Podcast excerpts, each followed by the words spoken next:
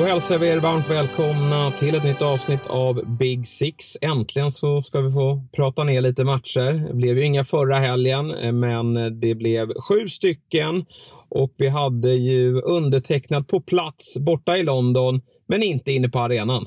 Nej, det var, du, du nämnde ju något om biljettstrul där och man hade ju sett fram emot en, en på plats recension här på måndagen men vi, vi, ja, jag räknar med en pubrecension istället. Exakt så. Alltså jag var inte allt för deppig. Det blev lite strul här med biljetterna. Jag orkar inte gå in i detaljer på det. Det är en liten arena det här, Brentford Stadium, vilket har varit väldigt kul att se. Och så stök här med... Eh, eh, det är ju väldigt... Eh, mycket folk i London just nu kan man ju lugnt sagt säga med tanke på att det idag måndag är en begravning då för eh, drottning Elisabeth, för de som har missat det.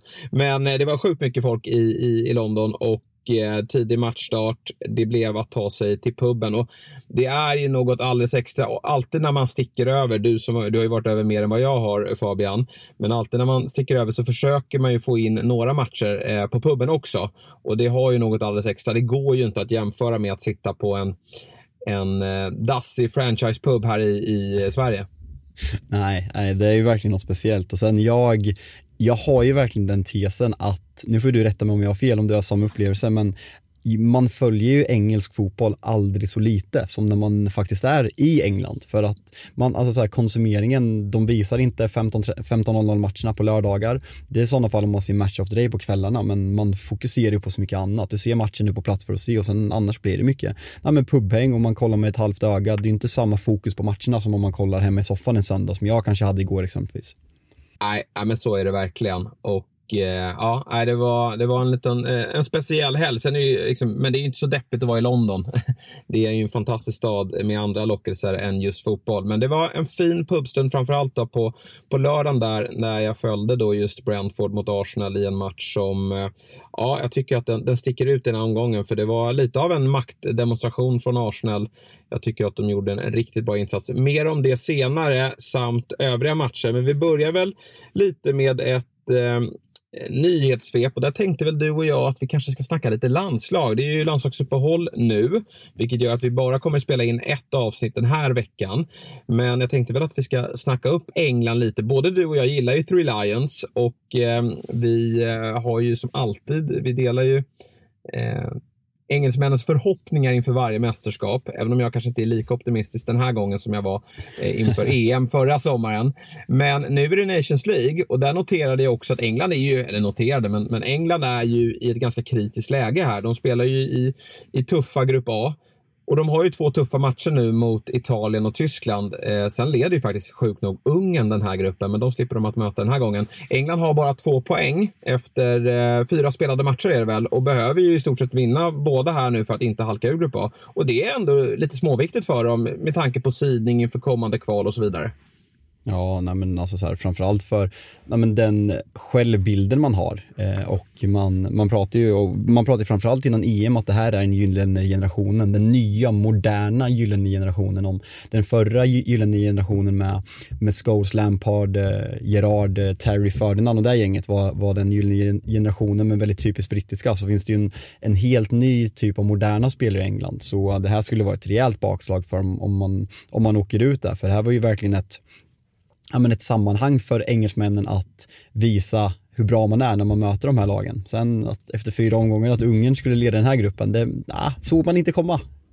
Nej, och sen blir ju den här samlingen liksom genrepet inför VM och därför är det ju väldigt bra att få möta just Italien och Tyskland i tävlingsmatcher för att liksom få upp tempot och, och förhoppningsvis vad som komma skall om man, om man går till ett slutspel. Men, men delar du min syn med att man kanske inte har lika stora förhoppningar på England inför detta mästerskap? Mycket såklart för att det är VM. Det, det är ju, eh, Vissa hävdar ju för att EM kanske är svårare att, att, att, att, vinna, eh, men, men det tillkommer ju en del eh, sydamerikanska länder här eh, som, som kommer att göra det tuffare.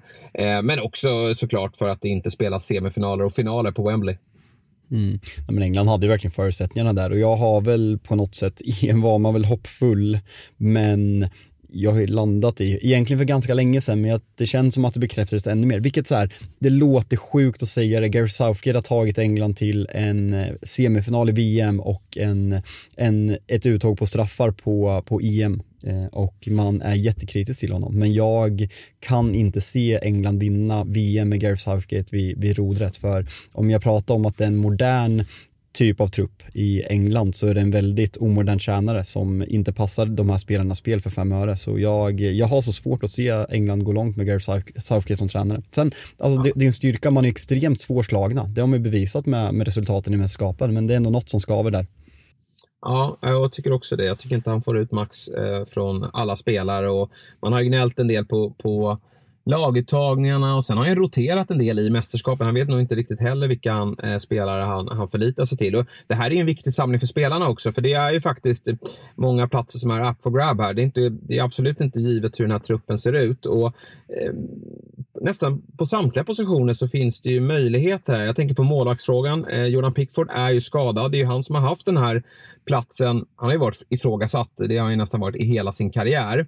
Men faktum är ju att han har börjat den här säsongen väldigt bra i Everton. Nu är han dock skadad och då blir det ju en spännande samling. För jag tycker att bakom där så är det tre bra målvakter som har möjligheten att vid en bra samling här kanske till och med utmana Pickford om, om första platsen även om jag tror att Southgate är ganska trygg i just Pickford. Men det är Dean Henderson, Nick Pope och eh, Aaron Ramsdale. Vem eh, tror du är eh, närmast att, att utmana Pickan? Alltså, alltså problematiken med det här är ju på något sätt att du säger att det är tre bra målvakter och ja, det är tre bra målvakter men det är inte någon riktigt bra målvakt. Nej, och det, det, det är ju på något sätt, alltså så här, alla, det känns lite som vem av de här som än står så kommer det se ganska likadant ut och de är ju, alltså eh, Nick Pope är väl den mest, eh, om man säger, om man skottstoppare, fan vad fult det lät på svenska, shotstopper går vi på ja. istället. Ja. Men medan de andra är väl lite mer åt det moderna hållet och kan spela bra med fötterna. Men det känns, jag, jag skulle hålla äh, Ramsdale som, som favorit att stå i den här samlingen. Han har fått gjort matcher tidigare och jag tycker väl på något sätt att han, han har gjort det bra i Arsenal och kommer med ett väldigt stort självförtroende. Men det är verkligen, sen jag, jag bara kom på att tänka på det när vi pratar Southgate. Ju, han har ju svårt att få ut maximalt av, av spelarna. Han gör ju exempelvis ja, men spelare som Jack Grealish, Phil Foden, de får inte ut i landslaget. Men samtidigt ska han inte hyllas för att han får Maguire och se ut som en bra fotbollsspelare i landslaget. Det är kanske det största någon kan göra. Jo, kanske så. Det leder oss till liksom försvarsfrågan, för där är det också många frågetecken kan jag tycka. Just då, Harry Maguire, kommer han att satsa på honom? Eh, jag tror ju det, precis som, som man gör med Jordan Pickford och lite som vi har märkt att, ja, vi kan ju bara gå till vår egen förbundskapten, att vet man att man har en spelare som just presterar i landslagströjan, då får man oftast förtroende oavsett hur det går i klubblaget. Men det är väl klart att det, det är någonting som skaver hos Southgate i att eh, Maguire inte får speltid nu och har nästan ett, ja men sen EM 2021 så har han ju varit eh, usel. Så, eh, men men eh, jag tror att han kommer att spela. Eh, och, och sen blir ju frågan vem som spelar bredvid honom, men, men mycket lutar väl åt John Stones. Mm. Ja, alltså det är verkligen, alltså de har ju experimenterat ganska mycket också och spelat med en 4-2-3-1, de har spelat med en 5-3-2 och ska man kolla den där backlinjen så är den ju mer stöpt för att spela en femback. Och framförallt kanske för Maguire som, nej men han, han är, säga vad man vill att han är klumpig, men till vänster i en fembackslinje som står ganska lågt och riskminimerar så är han en väldigt bra mittback och har funkat väldigt bra i England. Så vill man eh, spela en, en, destruktiv fotboll så passar ju en fembackslinje, men då kommer man få ta bort en, en offensiv spelare och där finns det ju ett överflöd, det säger mesta när, när Marcus Rashford och Jadon Sancho efter, jag ska inte alltså hypa upp dem för mycket, men jag tycker framförallt Jadon Sancho har haft en väldigt bra säsongsinledning och det säger ändå något om kvalitativ, eh, hur kvalitativ truppen och bredden är offensivt när han inte platsar i truppen ens. Nej, och det tycker man kanske här att han inte riktigt går på form. För jag tycker i offensiv väg att det, det är eh, några spelare som inte har sett jättebra ut där. Men, men om vi bara återgår till backlinjen, där har vi också problem på vänsterbacken. Alltså Chilwell spelar ju absolut inte kontinuerligt och har haft ett jättejobbigt år bakom sig också efter EM. Eh, när han väl kom igång i, i Chelsea så drog han ju korsbandet. Och nu är han inte riktigt i fysisk form för att eh, eh, vara ordinarie. Då. Han har gjort eh, lite inhopp och, och någon start, men absolut inte ordinarie. Luke Shaw, vad har vi för start på honom? Ja, det eh, existerar han ens eller? Glömt bort honom. Nej, jag vet inte. Du eh, får berätta för mig. Men, men det, känslan är ju att han, han är totalt iskall. Ja, verkligen. Eh, jag är inte helt, alltså Malaysia har ju hyllats av väldigt många, jag är inte helt frälst där. Jag tycker han är väldigt aggressiv och eh, direkt svag i, i eller i positionsspelet ibland, men till skillnad från Luxua så springer han ju maximalt och kan ofta rädda upp det för att han är så, för att han är så snabb. Men eh, Luxua är ju alltså petad på riktigt i United nu och det är samma som med Guire där, han har ju inte varit bra sen, sen det där mästerskapet när han väl var med i, i EMs bästa elva och även ju mål i finalen, så det är ju ett riktigt deppigt senaste 14 månader för Luxor. Ja, Nej, vänsterback, det är eh, lite problematiskt, även om Ben Chilwell tycker jag, när han är, och även Luke Shaw var ju bra för någon säsong här sen. Men Ben Chilwell ska ju ha den där platsen och kanske att han, han får ju oktober på sig här nu. Det kommer spelas väldigt många matcher och där får han försöka visa att han, att han är frisk och kry eh, så att han kan starta. Till höger är alltså fyra högerbackar. Eh, Trent, eh, Reece James, Trippier och Kyle Walker. Sen kan ju Walker användas som mittback i en treback också. Men eh, där är ju Reece James James, eh, han kommer ju spela. Ja, men det tror jag. Sen Southgate, vi vet att Kalle Walker är en personlig favorit för honom för att han gillar att prioritera defensiven och den snabbheten i defensiven som Kalle Walker har har ju dock visat upp lite oroande tendenser i år, bland annat mot, eh, mot Newcastle. Jag har nog aldrig sett honom så, så uppsnurrad som han var av St. Maximan i den matchen. Så, eh, men som sagt, Reece James, framför allt efter Trents svaga säsongsinledning, eh, känns mer och mer som att han kommer starta där ute. Mm. Centrala mittfältet då, eh, lite bekymmer här också. Calvin Phillips, han eh, ska väl opereras?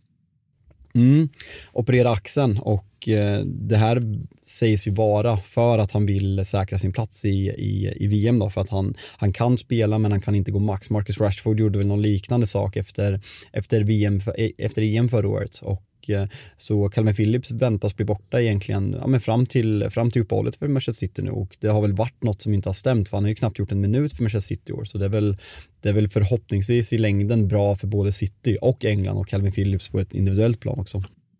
Ja, men det där är ju, han var ju eh, så gott som ordinarie, eller han var ju det tillsammans med Declan Rice på det där mittfältet. Nu tror jag att Bellingham kommer gå före. Ja, alltså det där är också att Southgates riskminimering att eh, det funkar väldigt bra med Declan Rice och Calvin Phillips men det är ett väldigt destruktiv, eh, inte så passningssäker och det är mest så här, ja, men två löpstarka spelare som har sina styrkor i defensiven. Medan om man sätter in Rice och Bellingham så får du en mer dynamisk mittfältsduo och jag tycker att även om Calvin Phillips skulle vara frisk så ska man spela med Jude Bellingham för de egenskaperna han visar upp. Det är bara att kolla på matchen på, på Etihad Stadium förra, förra veckan i Champions League. Att så ung eh, och spela så moget och liksom vara den spelare som sticker ut i, i Dortmund. Jag tycker, eh, ja men det är en, vilken spelare och bara för att han är ung och spelar i ett annat land, han, Gary Southgate måste hitta en plats i elvan för en sån kvalitativ spelare.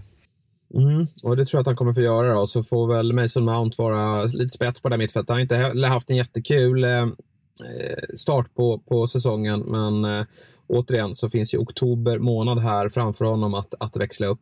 I offensiven då, där tycker jag ändå att också återigen en del formsvaga namn här. Jared Bowen är ju direkt iskall i, West Ham. Har ju inte alls eh, gått att känna igen. Fjolåret var ju en, en, en succé och jag tror ju att Ja, här blir ju såklart den här samlingen och hela oktober jätteviktigt för honom. För ja, vi har ju liksom Rashford och Sancho som, som eh, har gått starkt här och, och eh, känns som att de har lite medvind här och de knackar ju definitivt på dörren. Phil Foden gjorde en riktigt fin match i helgen. Jack Grealish, han tror jag är given i ett England. Eh, för han är omtyckt av Southgate och han har en höjd. Men ja, han behöver ju såklart också bli bättre.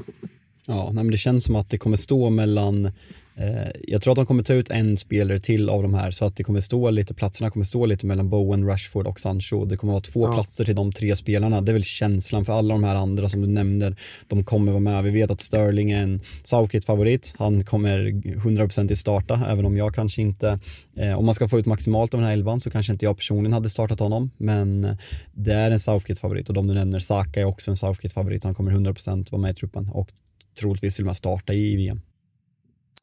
Eh, ja, nej, men jag tror också det. Eh, det. Det är verkligen så. Eh, sen har du ju Sterling. Eh, Tony har kommit in också. Det är väl han och, och Tammy som gör upp om platsen bakom Harry Kane då, att vara eh, någon form av inhoppare. Jag tror väl inte Tony kommer få särskilt mycket speltid i något eh, mästerskap, men eh, för sig, han, är, han är ju i form i alla fall. Eh, så att det är välförtjänt att han är där.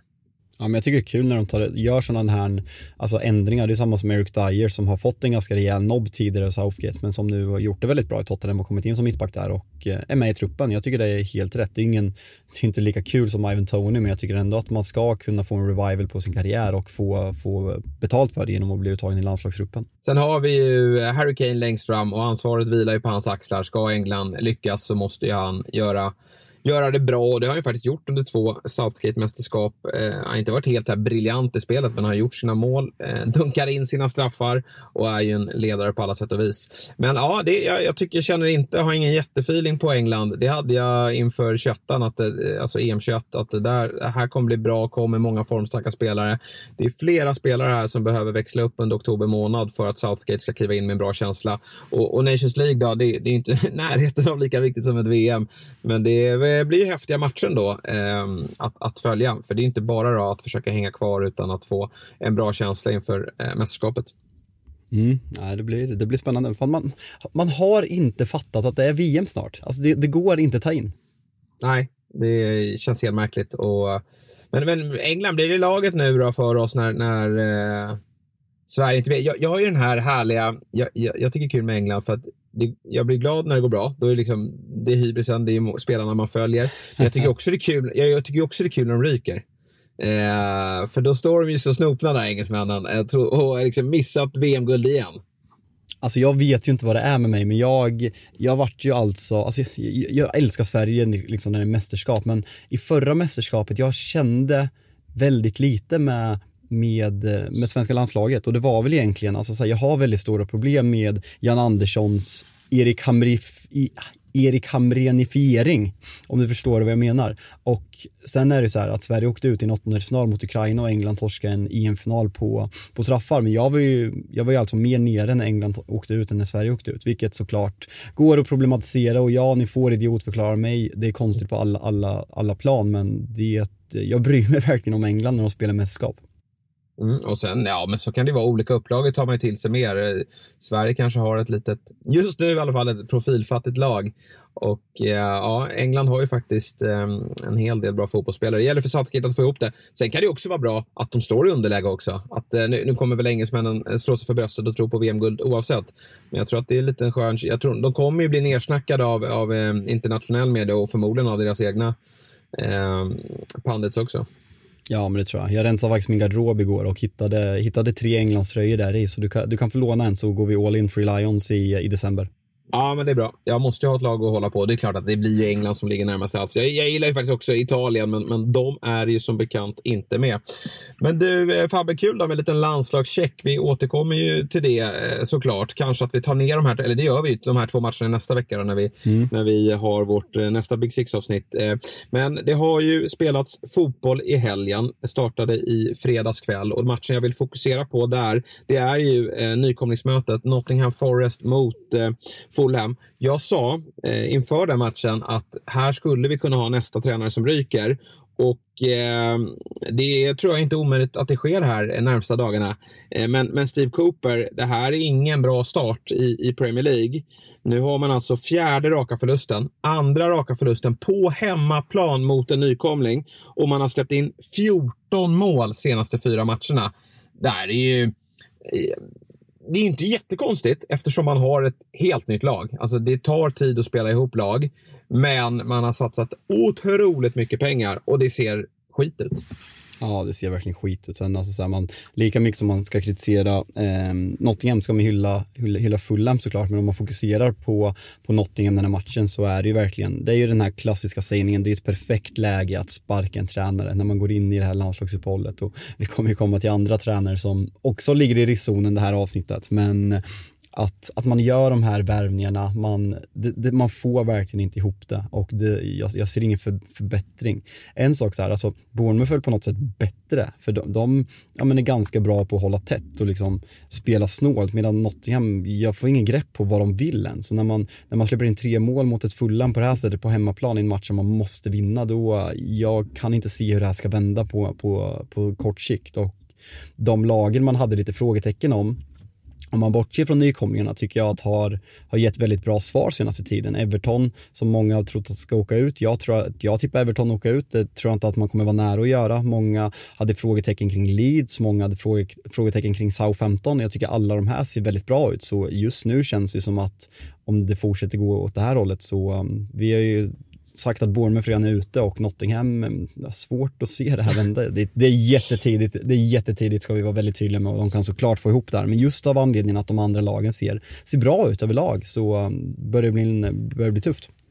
Ja, och sen ser man liksom inte någon riktig, jag ska inte säga att jag har stenkoll på alla nu, för man har ju nickat till på många utav dem. Vi har ju Gibbs White då, som har gjort en eh, säsong, en bra säsong i Championship och lagt, där har man lagt otroligt eh, mycket pengar.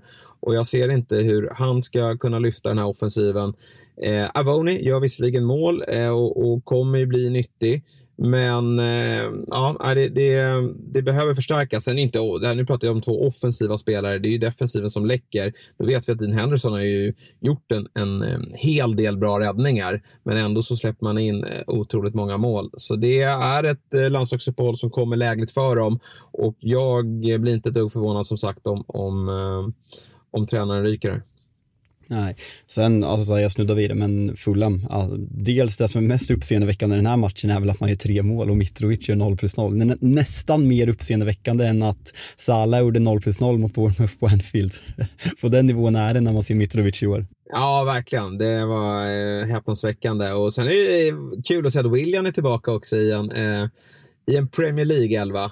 Eh, småpigg där ute och eh, känns som att det där kan bli en bra förstärkning. I Fulham har man ju god känsla kring faktiskt. Eh, tidig, vi, vi, är bra på att dra slutsatser i den här podden, men, men känslan är verkligen att Fulham har ju tillräckligt med kvalitet för att hänga kvar. Nottingham har ju det också, eh, men de behöver få ordning på det och eh, det att eh, jag, ska inte, jag ska inte säga som vi har sagt med Bournemouth, för jag tror fortfarande Bournemouth kommer få det tufft. Men eh, Nottingham behöver ju börja få med sig resultat här ganska snart. Och just att man har mött två av nykomlingarna, två lag som man kanske ja, men inför säsongen konstaterar att det där är två lag som måste, man måste ha bakom sig. Och så torskar man båda de eh, matcherna. Det är ju under all kritik. Vi gillar att tycka saker i Big Six. så Jag ställer raka frågan till dig. Sitter tränaren kvar när vi eh, drar igång igen efter uppehållet? Nej, men han ska ju inte göra det. Jag, det går inte, ibland har man sett så här idiotiska eh, förändringar, eh, alltså att det sker typ så två, tre dagar innan, att, eh, under ett landslagsuppehåll, innan Premier League eh, har sin omstart. Alltså, han ska ju få sparken idag eller imorgon. Eh, och det är jag övertygad om att man har ju styrelsemöten här nu och så får man väl fatta beslut. Sen vet man inte vad som händer eh, innanför väggarna och hur, hur träningsverksamheten ser ut. De kanske är nöjda, men, men resultaten är inte eh, bra nog. Och i och med att man har ett sånt Alltså han gjorde det jättebra med, med, truppen man hade i fjol, men nu är det ett helt nytt lag där och helt andra premisser. Och då kanske man får, eh, får ta in en tränare som passar det där spelarmaterialet bättre. Sam, ja, vi ska inte lägga ner allt för mycket tid på Aston Villa Southampton. Vi konstaterar i alla fall att de tog en riktigt viktig eh, seger här, Aston Villa. Och eh, Steven Gerrard har, eh, ja men han kan gå lite mer avslappnat till jobbet i alla fall. Ja, men det var ju verkligen att, att han behövde det och vi pratade om det i, i förra avsnittet att han, eh, att den här bra insatsen mot Manchester City egentligen inte hade betytt någonting om man inte fick med sig resultat i den här matchen som man på pappret ska vinna.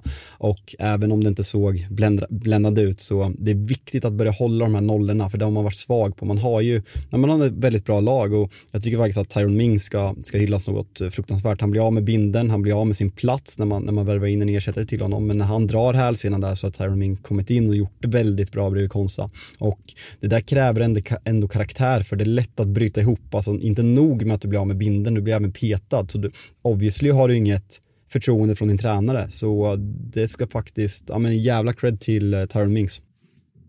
Ja, och eh, försöka fortsätta då att nu var ju inte nu satt ju Danny Ings på bänken eh, och det är väl så man ska fortsätta, att spela en utav han och Olly Watkins.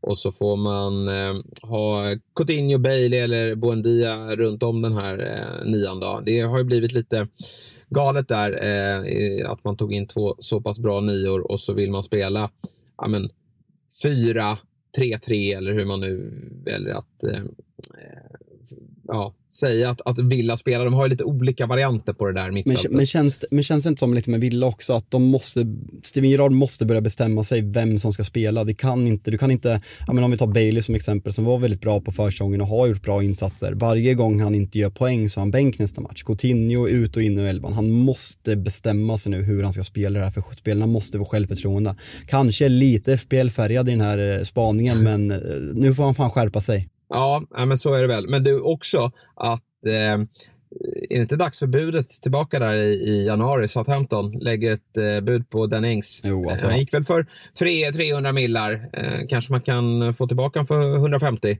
Och, eh, för det är, ju, det är ju vad Southampton behöver han ska ju vara, han ska ju vara i, i Southampton, han ska ju vara i ett dåligt lag och göra mycket mål och hålla dem kvar på egen hand. Jag kommer ihåg, vi, om, om du sa att din kristallkula var glasklar när du hade rankat din lista mellan årets värvningar än så länge så var ju, jag tror jag hade med Danny Ings som tvåa på min eh, liknande lista förra säsongen och den eh, har ju åldrats sådär. Det hade faktiskt jag också. Jag trodde jättemycket på Dennings i Aston Villa, men det, mm. ja, det har eh, inte varit klockrent. Till, till spelarnas försvar har det varit rörigt av först med Dean Smith och, och Steven Gerrard som inte har fått träff. Men nu, nu är ju känslan bättre. Otroligt viktig seger för, för Aston Villa eh, som eh, kan eh, klättra i tabellen. Och sen tycker jag att Southampton, de har, vi har varit kritiska till den här truppen innan, men jag tycker ändå att mittbackarna här, Salisu och eh, Pelle Kotschak, eh, Djurgårdens eh, hedersmedlem. Nej, men Bella Kotschak, eh, alltså Bundesliga senast, jag har dålig koll på honom. Ja. Men eh, 20 år tysk, eh, ja men det här är ju liksom, han kommer ju, han blir ju högaktuell för, för större klubbar tämligen omedelbart man, man vet ju att eh, Pelle Kotschack-namnet har slagit, det var du som twittrade när de mötte United och sen så pratade vi även om det i podden, men när folk skulle ta ut sina, när vi körde All-Star-uttagningarna så såg man ju att majoriteten hade tagit ut honom från Southampton i sina elva de skrev på, på Twitter och det var många som, eh, de körde ju Pelle Kotschack. De, eh, mm. de gick på Djurgårdsnamnet i, elvan, vilket såklart uppskattas, det piggar upp. Ja, men verkligen. Jag läser på, jag läser på lite om honom, han är född i Frankrike faktiskt, men han är, eh, har ju spelat eh, U-matcher för, eh, för Tyskland och det där är ju en spelare som jag tror kan faktiskt leta sig eh, upp hela vägen i, det, i herrlandslaget eh, vad det lider. Givetvis inte nu redan till, till VM, men, men en, en, eh, en lovande spelare. Jag tycker att Southampton faktiskt eh, ja, men de, de har överraskat eh, positivt eh, på mig. Under lördagen då, då klev lite större lag in i handlingarna och eh, det det avgjordes ganska snabbt på, på Molineux.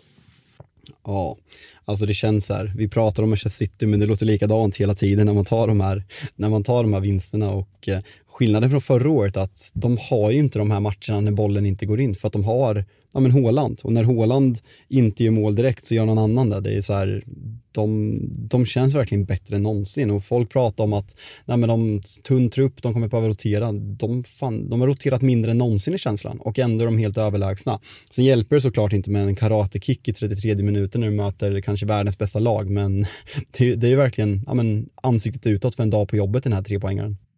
Ja, och som alltid när man kliver in mot City så pratar man väl om att nu, nu måste vi stå emot första kvarten. De kommer att storma och de kommer att eh, göra allt för att få mål här, eh, eller göra mål och så kommer Jack Grealish eh, 1-0 efter bara någon minut. Otroligt vackert framspelad av först Foden då.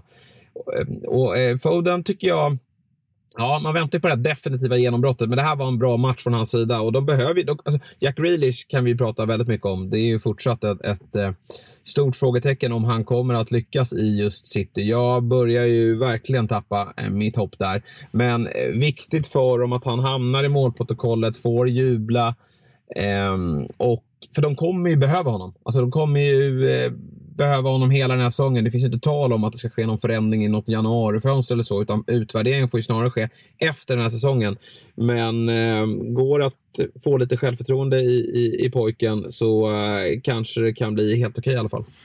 Ja, alltså det är ju den här positionen han spelar den här matchen han ska spela om han ska få ut max i Manchester City, så det är ett steg i rätt riktning. Jag tyckte man såg Alltså egentligen mo, i matchen mot Dortmund när, när Mares och Jack Grealish spelar hur, ja, men hur mycket sämre Manchester City blir kontra att ha de här, ja, men om man spelar Bernardo till höger och och eh, Foden till vänster för de, de har så mycket mer kvaliteter och kan göra olika saker medan Jack Grealish och Mares båda gillar att bollen vid fötterna och spela ett helt annat spel. Eh, så eh, de måste anpassa sig och man börjar ju som sagt nästan, eh, nästan alltså så här, han ska inte gå tillbaka till Aston Villa men alltså så här, du pratade om det tidigare att det finns, alltså Arsenal är ett praktexempel på att det går att lämna den bästa klubben till att gå till den tredje, fjärde bästa klubben och skina på, på ett helt nytt sätt som Sinchenko och Gabriel Jesus har gjort, även om det såklart är tidigt att utvärdera de, de värvningarna långsiktigt. Men eh, det börjar kännas som att um, Jack Grealish, ja, och klubbar är ju överlag bättre på att catcha losses, alltså som Chelsea gör med Lukaku, som eh, United gjorde med Alexis Sanchez. Eh, det känns som att det är en mindre stolthet. Sen tror jag att Pep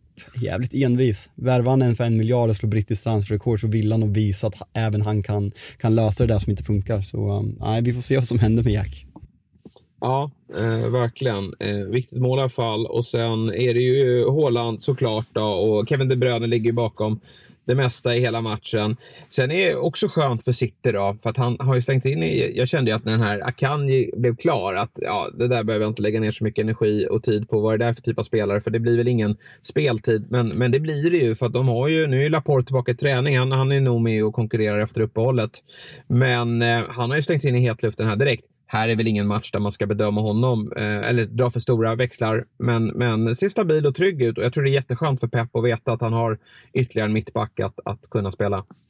Ja, alltså de, man har ju sagt att de har den där, ja, men de har en otrolig bredd men samtidigt är det ofta skador och egentligen John Stones kan spela till höger, Ake kan spela till vänster så alla kommer få, få speltid och sen så är det Gomez som, eh, som man eh, som man ifrågasatte, eller man ifrågasatte, Pep sa själv att ja, men vi får se hur bra han är och sen så kanske han blir utlånad men han har ju både fått chansen från start i Champions League och får även ja, men regelbundna inhopp i ligan så det känns som att, ja, men att City breddade till truppen väldigt bra där i slutet, sista veckan av transferfönstret.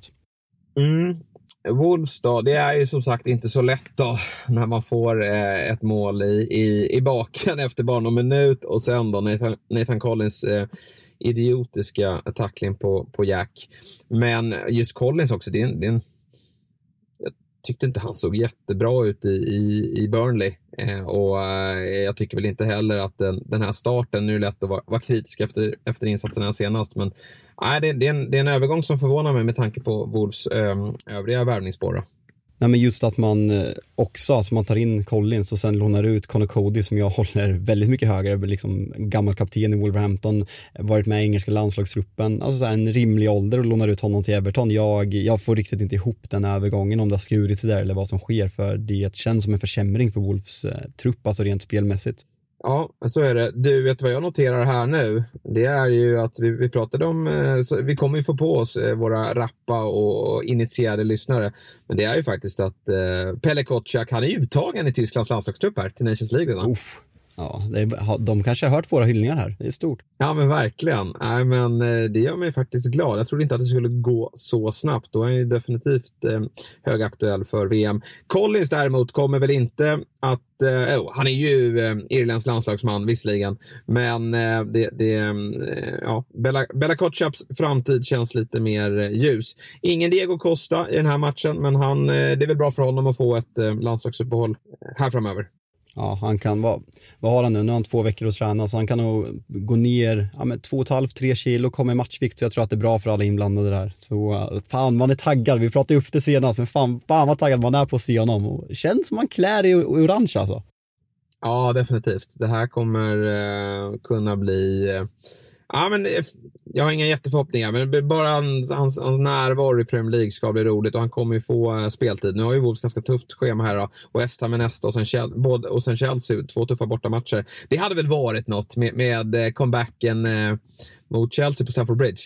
Ja, alltså så här, Graham Potter, Diego Costa sänker Graham Potter, Fofana och Koulibaly totalt uppgjorda.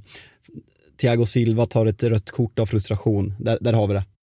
Ja, där har vi den perfekta återkomsten för Diego Costa. Eh, Newcastle, Bournemouth. Där trodde ju vi, eh, vi hade ju speltipset borta hos ATG. Vi kände oss trygga i att Alexander Isak skulle göra mål. Det gjorde han till slut, men det blev ju en rejäl plump i, i protokollet här. Eh, Bournemouth står för en, en bra defensiv insats och eh, det här var en rejäl missräkning för Newcastle. Jag tycker att de har en del att jobba på fortsatt. I synnerhet då mot ja, men lägre stående försvar. Och tittar man på det där centrala mittfältet, det pratades ju om, eh, och det är så lätt att säga att Newcastle bara ska ut och värva nu när de har den här plånboken som de har. Vi har ju hyllat deras värvningsstrategi, att de tar det ganska försiktigt. Men just det centrala mittfältet, när en, en, en spelare som Maximin inte är med i laget, då blir de jäkligt icke-kreativa mm. eh, när de eh, möter den här typen av spelförstörande lag. Det känns verkligen som att man inte har gjort jobbet här. Så Eddie Howe har ju hyllats för att han är en ja, spelande omodern eller icke traditionell brittisk tränare. Men känslan är att det här Newcastle verkligen är det, det, är som att något, vi drar det klichéartade uttrycket igen, att något sitter i väggarna. Newcastle som klubb har varit dåliga så länge så det sitter i väggarna att inte föra fotbollsmatcher.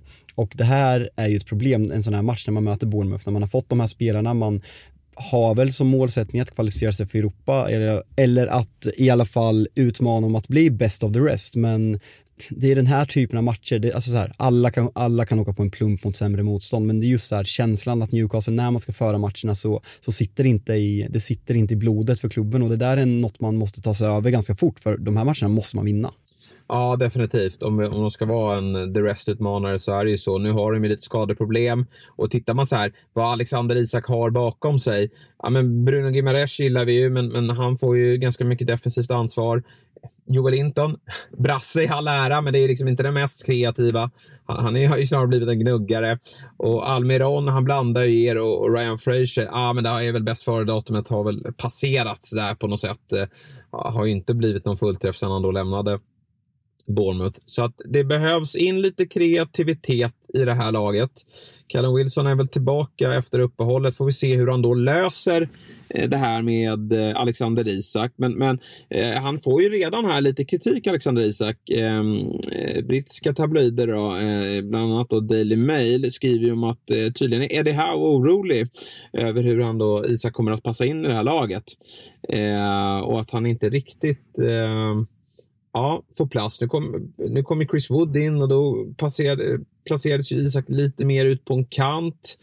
Eh, vad, vad, vad, känner du själv kring, kring Isaks start och, och um, hur det här kommer att sluta?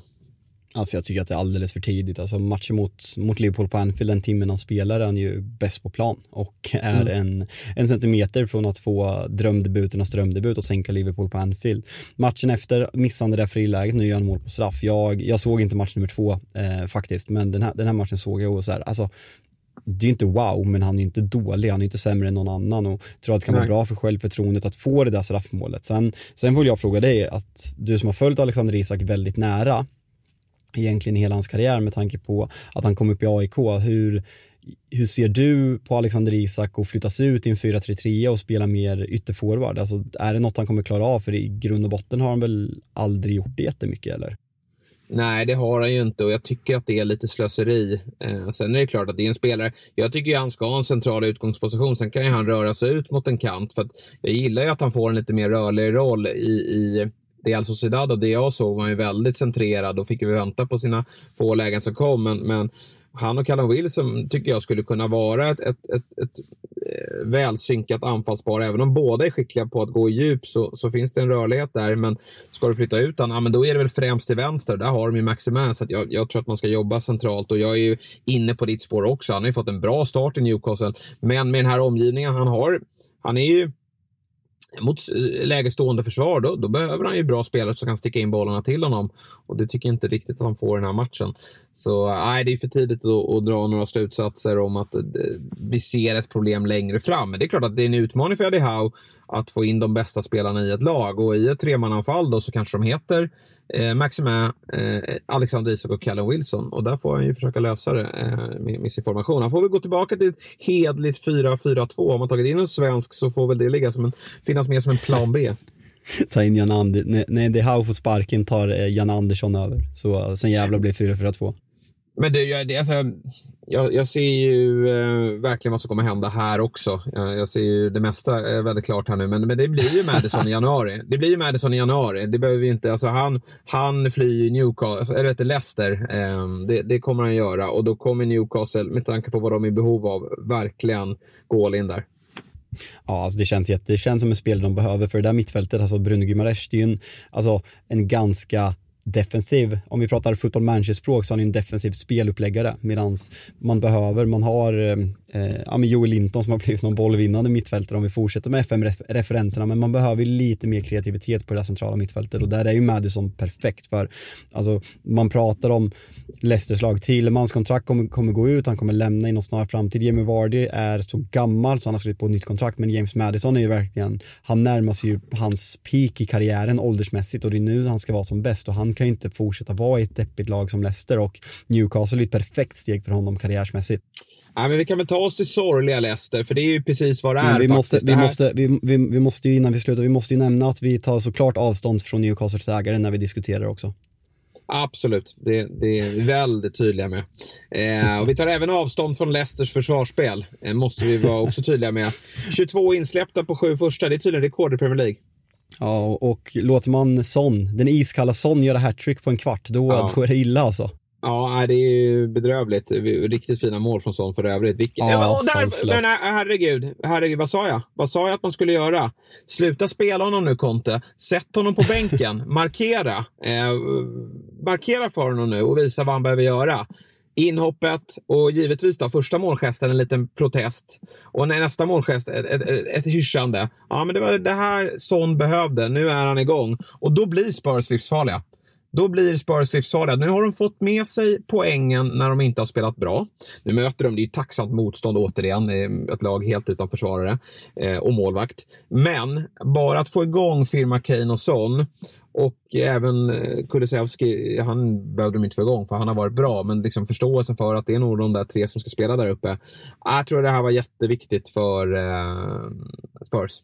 Alltså grejen med, med, med, den här trion eller kvartetten om man räknar in, räknar in Richarlison så är det att Harry Kane har gjort sina poäng och mål men jag tyckte att man såg förra året att Spurs är som bäst när Kane droppar och blir mer en playmaker och gör assist och det är sånt som ska göra målen och det är Dejan som ska ja, men, driva upp tempot och, och transportera boll, eh, bollen i fart och det är så egentligen alla de här målen görs. Det här är ju Tottenham när de är som bäst under Antoni Conte och folk har ju varit, ja, men varit på oss lite, att vi kanske har varit lite ifrågasättande mot, mot Tottenham, men det är ju det här Tottenham man vill se. Man vill inte se ja, men ett destruktivt Tottenham som vinner på, på lite flyt mot Southampton eller Fulham, utan, eller man, man, man förtjänar vinsten mot Fulham, men ni fattar vad jag menar. Och, men det här är ju Spurs när de är som bäst, när, när Son är den här. Och fan, de två första målen, de är helt otroliga. Med fel fot, eh, om det är första eller andra också. Det, det är sån hög klass har du sett den där videon när de, han gjorde ju ett identiskt mål mot Leicester i fjol. Eh, som är, ja men med vänstern vidare upp eh, och, och skickar den i bortre. Det, det finns en video där de har klippt in båda målen. Det, det, går knappt att se någon skillnad. Men också det där som du säger med Harry Kane, han droppar. För att de har ju ett centralt mittfält som är ganska så destruktivt. Bentancur och, och Höjbjerg eh, fortsätter att spela där. Nu är väl, eh, vad är, ja Bissouma kommer ju in här, men, men vad är status där liksom med honom? Eh, det är bara att Bentancourt och Höjberg har funkat bra, eller? Det var ju corona fick vi höra från våra lyssnare, men, men jag vet inte, i och med att han ändå eh, är där för inhoppen. Alltså i början var det väl att han inte kom i träning så fort, men vad jag har hört nu, jag kommer inte ihåg om det var någon Tottenham-supporter som sa det eller tog upp det med mig att, nej men att han, Conte känner inte att han tar till sig hans instruktioner och kommer inte in bra i spelsättet. Så att det, nu är det liksom en, ja men, ren, ren och skär petning. Ja, mm. intressant. intressant. Ja. Nej, men eh, ja, och det, det, så får det väl vara. Eh, för att Höjbjerg och Bentancourt funkar bra. Men när Harry Kane kommer ner, då, då får de ju kreativiteten på ett annat sätt också. Och de behöver ju inte Harry Kane som spets just nu. Med tanke, eller när Son är igång, eh, då, då, behöver de ju inte honom. Och sen finns ju Richarlison där också. Jag tycker att det ser eh, det är klart att det, det försvarsspelet kanske inte är klockrent alla gånger, men jag tycker det ser bra ut för Spurs och det är ett jäkla derby som eh, vi har här i återstarten eh, nästa helg. Eh, North London Derby, Arsenal eh, mot Spurs.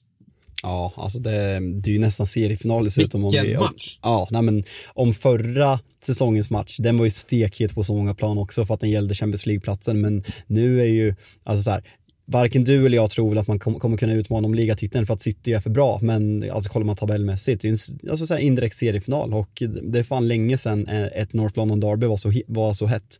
Och Eh, man, man kommer inte få anledning nog att vakna upp tidigt den där helgen för 13.30 match som eh, kickar igång Premier League-omgången. Förhoppningsvis en full Premier League-omgång, för det, det hör inte till vanligheterna.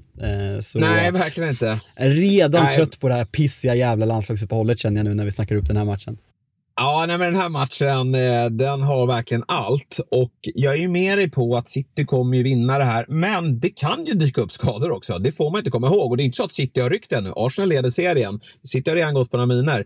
Och uh, nej, det, jag säger också att får City behålla det här laget, då finns det inget lag som rår på dem över 38 omgångar. Men, men så kanske Hålands baksida kommer och, och De Bruyne är, är slutkörd efter VM. Då, då, skulle det kunna hända grejer. Men eh, liksom, om man, skillnaden också mot vårens match mellan, mellan Spurs och Arsenal är ju att jag tycker att Arsenal är ju hetare nu. Då var de ju lite ja, men lite tröttkörda, haft, hade haft en del skador under vårsäsongen. Nu kommer de ju i, i, i väldigt bra slag. Så den där matchen har ju, eh, ja, men den har ju verkligen allt. Leicester då? Eh, ja, jag vet inte. Tror du Brendan Rodgers ryker eller? Ja, jag tror nästan det. Eh, jag vet dock inte hur långt kontrakten har. Det kan väl ha lite med det att göra, att det känns, men det måste ju ske någonting. Alltså, jag, jag tror inte att Leicester kommer åka ut. De, de kanske gör en omvänd 2015 när de, när de året innan var nära på att åka ut och sen vann. Nu var, gjorde man en, nej man gjorde väl en ganska dålig säsong så det fanns väl varningssignaler men att det skulle vara så här dåligt det såg ju ingen komma för man kollar ju fortfarande på det där laget och man får inte ihop det för det är ju fortfarande väldigt bra spelare namnmässigt som, ja men den majoriteten av dem har varit med och utmanat om både Champions League och Europa League de senaste åren men jag tror att man på något sätt måste få en nystart och det enklaste är väl att, nej men att byta tränare. Jag, Brennan Rogers han jag ser lite samma tendenser som eh, när han fick sparken i Liverpool, att han, han gör det väldigt bra. Eh, var nära på att vinna ligatiteln där. Eh, sen var det någon, någon händelse där som gjorde att de inte vann. Jag, vi behöver inte gå in mer på det. Men eh, jag ser lite samma tendenser nu, att, det, att det, när det slutar funka så slutar det funka rejält. Om vi tar, Klopp har väl lite samma sak i både Mainz och Dortmund och som vi snackade om, att det är på väg i Liverpool också om man, eh, om man får hårdra det. Men, eh, så jag tror att man gör, jag tror han ryker under uppehållet. Ja, för det här är ju ett lag man ska få ut mer av. Nu börjar Jamie Vardy på, på bänken eh, i den här matchen. Det tycker jag i och för sig är rätt. Daka eh, ska få chansen.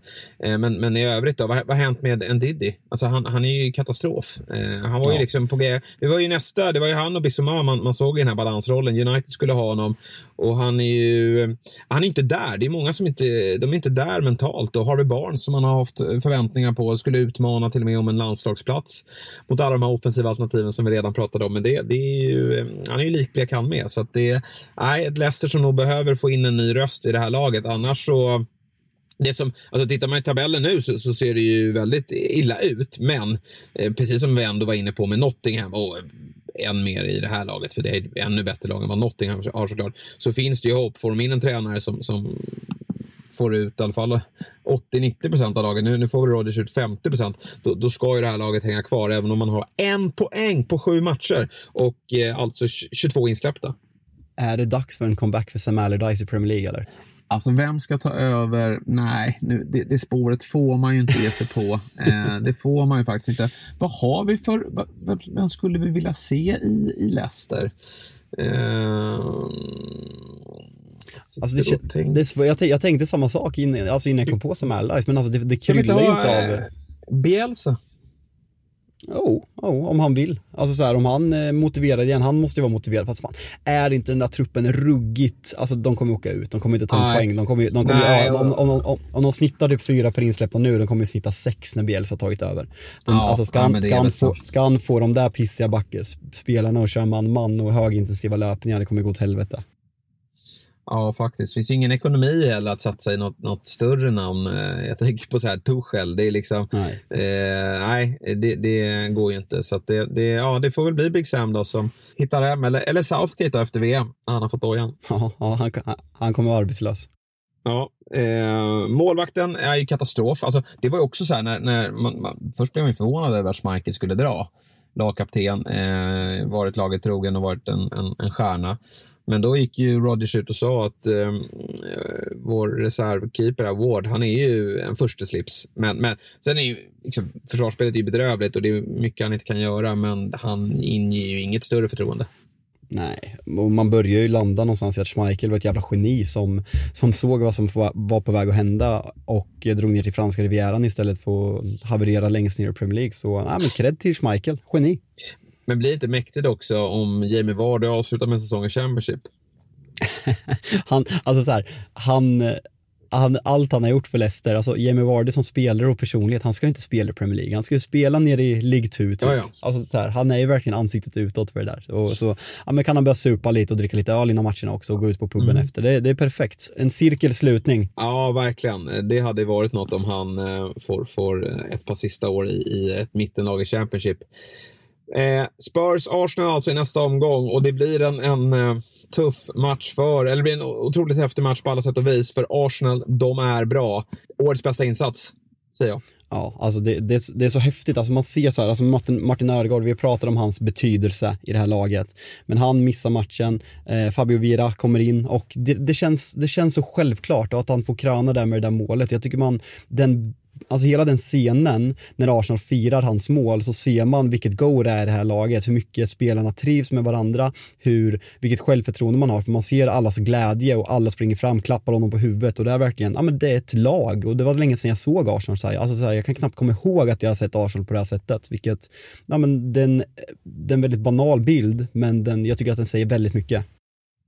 Ja, nej, det är ehm, också så här, ett, vad som kännetecknar ett lag i medvind. En, en nyckelspelare försvinner.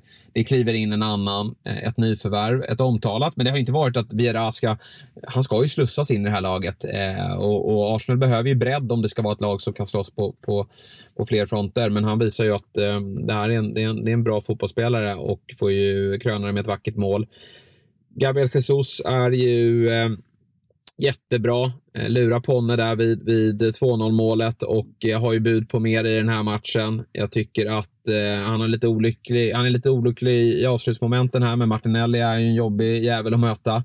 Och eh, Partey är väldigt viktig för det centrala mittfältet. För Arsenal har ju en del skadeproblem. Eh, Då. Ödegaard out här nu, Sinchenko slåss med en del skador. Eh, men eh, man lyckas ändå lösa det. Och sen har man ju faktiskt, eh, helt sjukt nog, Va, va, hur högt rankar vi Arsenals mittbacksduo? Alltså, nej, alltså väldigt högt. Hade någon frågat mig innan säsongen så hade jag sagt att det är på tok för dåligt för att Saliba är oprövad och jag är väl inte helt såld på Gabriel men som de har börjat den här säsongen, de, de, det värsta är att de är både bra defensivt och eh, de är mål också.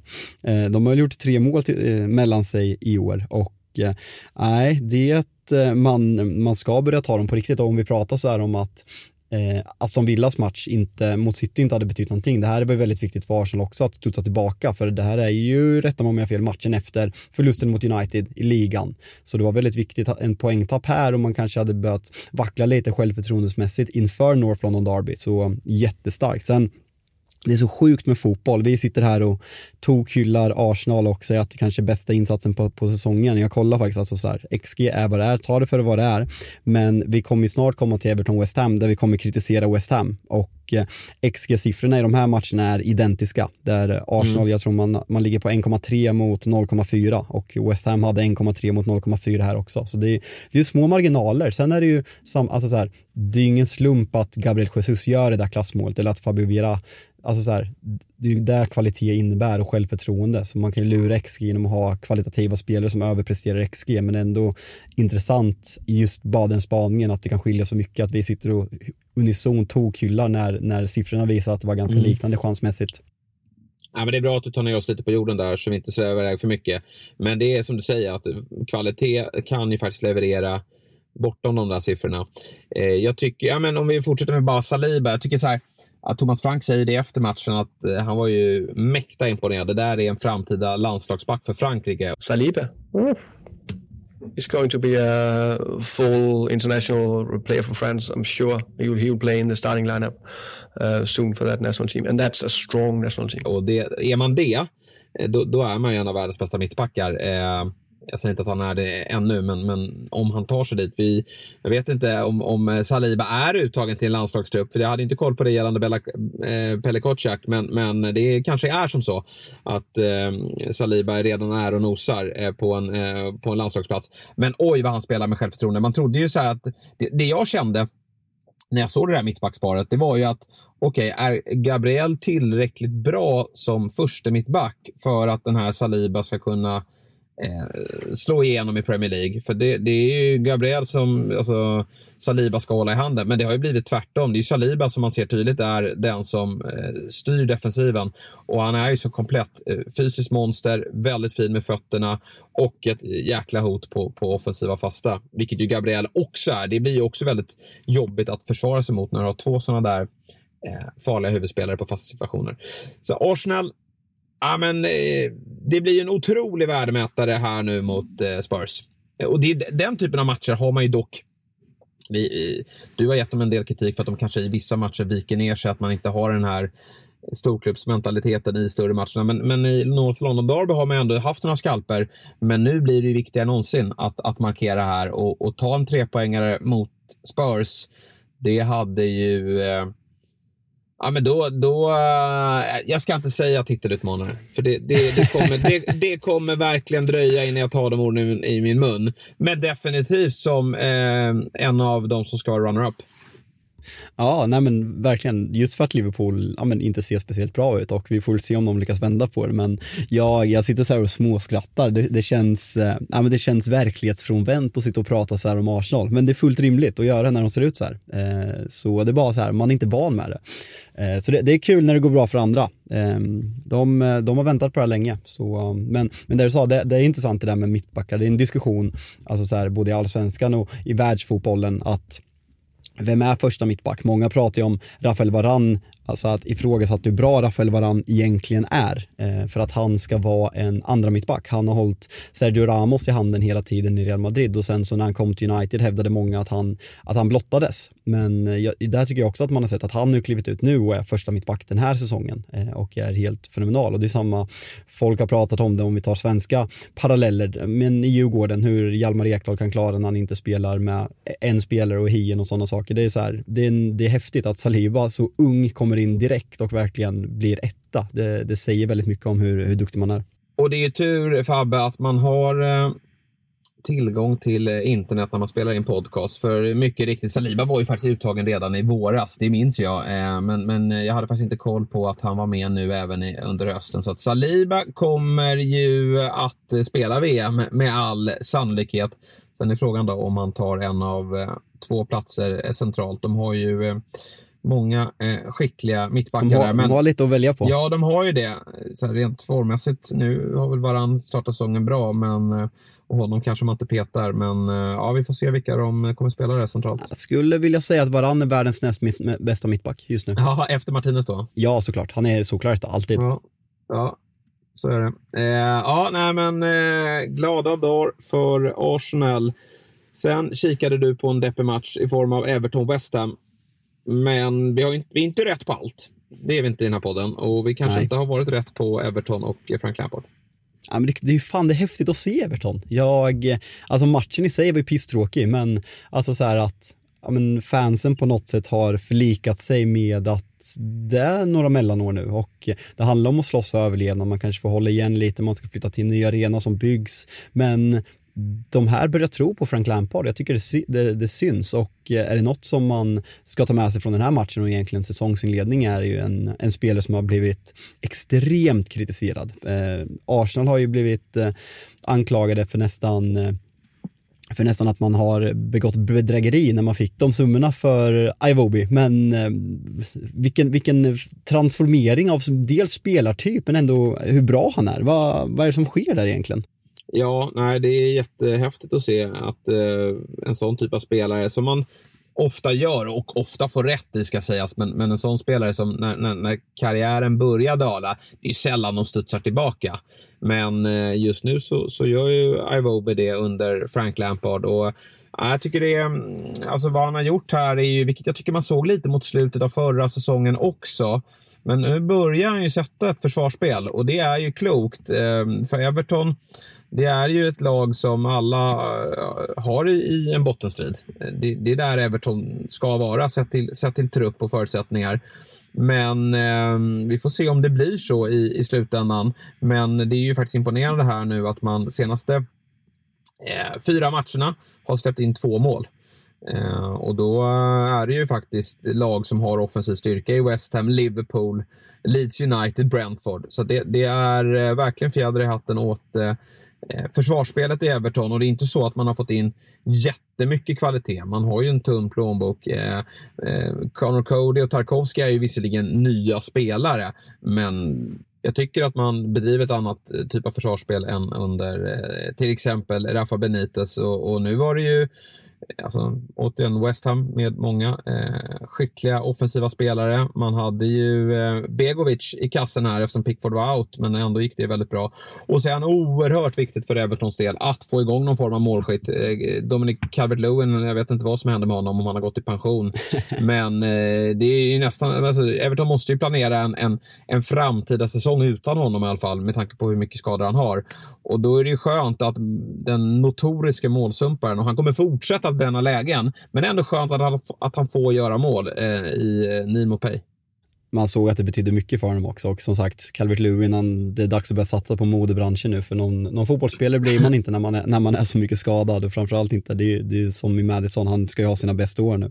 Eh, jag, jag, tycker man ska, jag tycker man ska hylla Everton innan vi går vidare till West Ham, att man, man har ju värvat smart för små medel, Connor Cody på lån, man tar Tarkovsky som åker ut med Burnley som är en beprövad Premier League-back. Och det är så här, kollar man på på bänken i den här matchen så sitter Michael Keane och Seamus Coleman där och de ja, men så här, har väl gjort en del för Everton men det har väl varit ganska klart att det, det, är inte tillräckligt bra längre så att man får en ny tändning där och sen så tycker jag att man, man har sett en skillnad de här två matcherna när Gunnar Gay kommer in som ändå har, han gjorde det bra i Everton, värvades till PSG och tas tillbaka billigt nu. Det är en väldigt, det är en väldigt smart värvning eh, och och, eh, och en spelartyp som Everton har saknat som gör att men, Iwobi exempelvis kan få mer frihet på mitten och sen Anthony Gordon som vi, vi har öst beröm med senaste tiden. Så det börjar ändå bli ett lag man kan identifiera sig i som supporter kan jag tänka mig och att man, det börjar bli kul att hålla på Everton igen, vilket det inte var. Jag var ju jag var ju på plats i Liverpool och, och träffade min eh, en, en kompis som spelar i Sunday League i Liverpool så träffade många av hans kompisar och hans gamla lag och då var ju liksom hälften Evertonian. så det, alltså det gick knappt att skämta med dem när de låg där i botten och höll på att åka ut för det var, det var inte roligt alltså.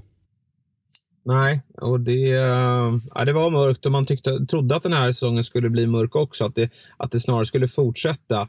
Och eh, Det är möjligt att man faller tillbaka. Det är en, en säsong där jag känner att eh, vi har eh, åtminstone en väldigt pigg nykomling och en annan som har börjat bra i Bournemouth. Men sen är det många lag som sagt gör det bra, så det, det, det är klart att eh, eh får man Alltså, det är viktigt att få igång målskyddet tror jag. Nu, nu, tycker jag att defensiven, man jobbar stenhårt för varandra. Man har ett, ett, bra centralt skydd i Onana och eh, Ganagoey framför eh, Connor Cody, Tarkovsky. Det hade ju inte de tidigare mittbackarna i, i lika stor utsträckning. Allan skulle ju vara det, men han, han var ju inte det. Men nu har man ett, ett bättre skydd där. Men det blir ju viktigt då att, att kunna få leverans framåt och eh, eh den här gången klev Mopey framåt. Eh, eh, skulle eh, Dominic Calvert-Lewin komma tillbaka eh, och, och, få vara skadefri, ja, men då har de ju faktiskt en, en högkvalitativ anfallare också. Och då, då ska det inte vara några problem för det här hårt arbetande Everton att hänga kvar det ska ju vara, nu kommer jag vara lite färgad, men jag ser också fram emot att se James Garner som uh, satt på bänken den här matchen, som var otroligt bra i Nottingham Forest förra året i Champions League, som nu har värvats från Manchester United för att han, ja, men de, han sågs inte som tillräckligt bra av Erik Ten Hag, men väldigt lovordad efter hans förra säsong i Championship, så ser jag hur han kan komma in på det där mittfältet och om man kan visa att han håller på den här nivån också. Mm. West Ham de fortsätter ha det jobbigt, ligger under strecket eh, för stunden. Det är ju eh, inte tillräckligt bra. Nej, alltså den här, den här truppen, alltså den, den säsongen man gör förra året när man är, man sumpar i sista omgången, man kan ju gå om United där men man, man kryssar och hade då kvalificerat sig för Europa League. Och eh, man har ju spetsat till truppen, man har värvat Lukas Paketa, man har värvat eh, Theo, Ke fan säger man, Kerer, Eh, och utöver det Emerson, så det, och Skamacka ska vi inte, ska vi inte absolut inte glömma, så det, det är ett hårdsatsande lag som tog sig till Europaplats och, och satsat ännu mer så att man efter sju omgångar ligger på nedflyttningsplats är ju en enorm missräkning och eh, frågan är, är David Moyes rätt man för att vända det här? Är han rätt man för att värva de här spelarna och spela en modern vägvinnande fotboll? Jag eh, lyfte ganska tidigt i den här poddens historia att jag är skeptisk till det men eh, det är klart att han på något sätt, han måste ju få mer chans att, att ehm, att ändra på det här. Men eh, man bör börja ställa frågor för vem som ska leda West Ham framöver. För David Moyes, eh, David Moyes är en projekttränare som kan exempelvis ta över Everton nu och göra dem upp till sjunde, åttonde plats igen. Men jag har svårt att se att han ska ta West Ham till att eh, vara den klubben man är idag tills att utmana ännu ett steg över. Men han är i behov av formstarka spelare också, vilket han brukar vara bra på att få fram. Men för det är, det är inte ett lag som eh, har den här tydliga eh, metodiken i, i, sitt anfallsspel där, man vet där alla spelare vet exakt vad de ska göra, utan det är ju mycket energi och intensitet och att det bygger på att spelare som Jared Bowen, Antonio är i, i, i bra slag och det, det, är de ju inte för stunden. Och kanske man ska ge andra spelare, inte Bowen då, han, han, han tycker ändå någonstans eh, får vara given, men om man har ju tagit in Corné, han kanske borde få mer speltid. Skamacka borde kanske få mer speltid, så det, det finns ju faktiskt lite spelare att, att, att ta av här. Sen tycker jag att man har stått för bra insatser också under den här säsongen. Jag tycker man gjorde det bra mot eh, Spurs och framförallt borta mot Chelsea på Stamford Bridge där man blev rånade på tre poäng. Så det, det, det, finns väl där någonstans, men rent eh, ja, poängmässigt, resultatmässigt alltså, så tycker vi såklart att West Ham underpresterar ganska kraftigt, för det, det finns definitivt en kravbild här. Men sen kan det ju gå snabbt också. West Ham har ju ett, ett, ett rätt bra schema här nu framöver och kan man rada upp några trepoängare, ja men då är man helt plötsligt eh, där någonstans runt mitten och, och får lite arbetsro. Men det ska genomföras också. Ja, alltså man, man, undrar ju på något sätt vad, hur dålig ska Macka är i träning och hur scoutningen har, har skett där. För Antonio, alltså sen, han gjorde väl, han gjorde typ så sex mål första fyra matcherna för säsongen. Sen dess har han väl typ gjort två mål i Premier League. Så, men han fortsätter få chanser efter chans efter chans fast han inte levererar direkt eller gör mål. Men eh, jag vet inte, det, det känns som att något, spela, något måste ske i alla fall för Antonio är fan deppig där uppe alltså. Ja, jag tycker inte heller att han går att känna igen och han har ju verkligen åldern emot sig. Det, det blir väl säsongen då, 22-23 då, där vi eh, tappar våra klassiska Premier League-nior i form av Jamie Vardy och Antonio. Jag, jag har svårt att se att eh, båda ska studsa tillbaka till fornstora dagar. Ja, alltså det är, det är två spelare man vill ha, framförallt Jamie Vardy. Alltså, så här, det, kommer, det kommer kännas som en ny era när han inte spelar där uppe. Men eh, Antonio är ändå, fan du får mig att känna mig gammal nu, han är bara ett år äldre än vad jag är. Så att kalla honom eh, gammal, fan nu, nu vart jag, nu vart jag deppig Ja, men 32 år och den, den där liksom tunga fysiken som han har. Han blir ju inte snabbare va? Det, det tror jag ändå kan eh, ställa till det för honom. Men, men Mois kanske gör om honom till, till um, högerback igen och han ja. blir eh, på, på nytt född. Ändå fint att gå, gå från wingback till anfallare och sen bara, nej, nu är det dags igen, wingback. Ja, verkligen. Nej, det hade passat honom bra. Han kanske eh, petar eh, Kofall där ute på, på högerbacken.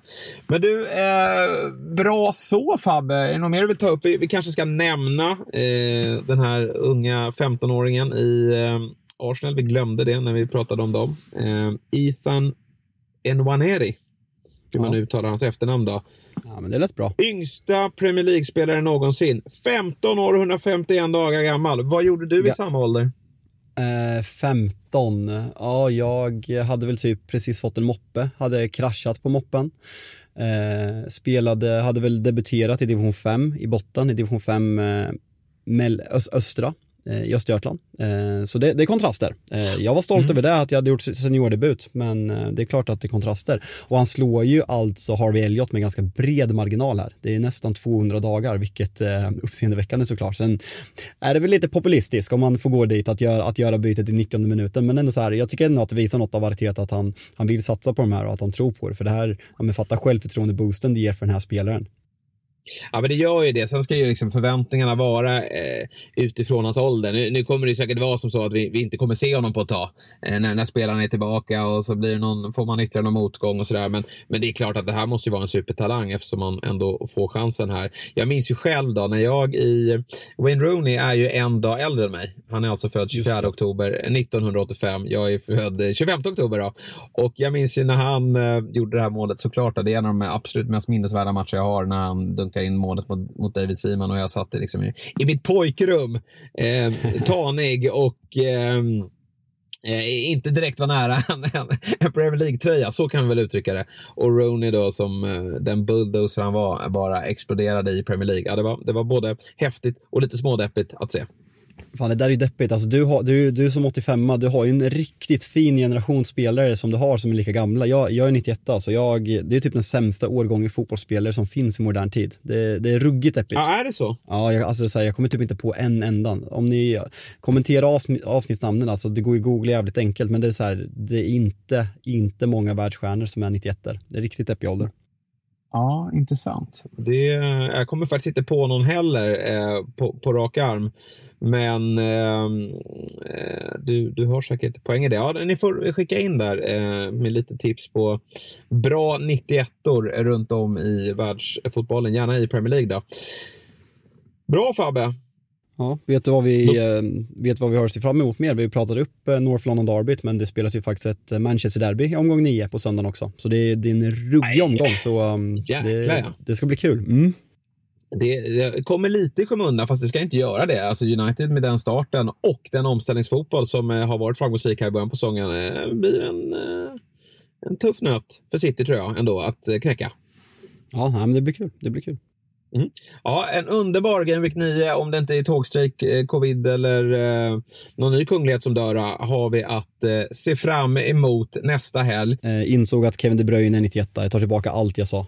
Oj, oj, oj. Ja, den... Eh, det är bra. Van Dijk, Van Dijk var visst också 91 Alltså, Fan, jag trodde han var yngre. Du, vi har ju rättat oss eh, tre gånger i det här avsnittet nu. Först med eh, Bella Kotschap, eh, Saliba och du, 91 som visar sig vara typ den bäst, mest framgångsrika generationen. Ja, nej, det, det, det, är svagt, det är svagt, men vi, eh, vi låter det vara kvar. Vi, vi bjuder på det helt enkelt. Absolut. Och eh, visar. Det var en som skrev när vi spelade in Eurotalk Weekend i, i chatten i, i lördags borta hos Dobb så skrev han Jalkemos frilla är bättre än hans fotbollskunskap. Nästan så att det hade varit bättre om det var tvärtom. Så jag, jag, jag gick på helg med den kommentaren. Det var kul tyckte Men jag. det, det är väl charmen också med poddande. Du och jag, vi kollar fotbollsmatcher, vi läser på i stor, ut, så stor utsträckning vi kan och ibland missar man lite nyheter och grejer. Eh, just ditt årtal är ju svagt. Du ska ju ha koll på vilka som är födda samma år som dig. Jag har ju Rooney, Ronaldo, eh, Sebastian Larsson framför allt. Men eh, jag är svagt det att du inte hade koll på 90, 91 tycker jag. Ja, det var riktigt, det var riktigt svagt. De spelar ju dock i antagonister där som eh, eh, du gärna eh, ja, inte håller så högt av kanske. Nej, exakt. Jag skyller på det. Ja, bra Fabbe, vi, eh, jag tackar dig eh, och jag tackar även till er som har lyssnat. Vi ses om lite drygt en vecka igen.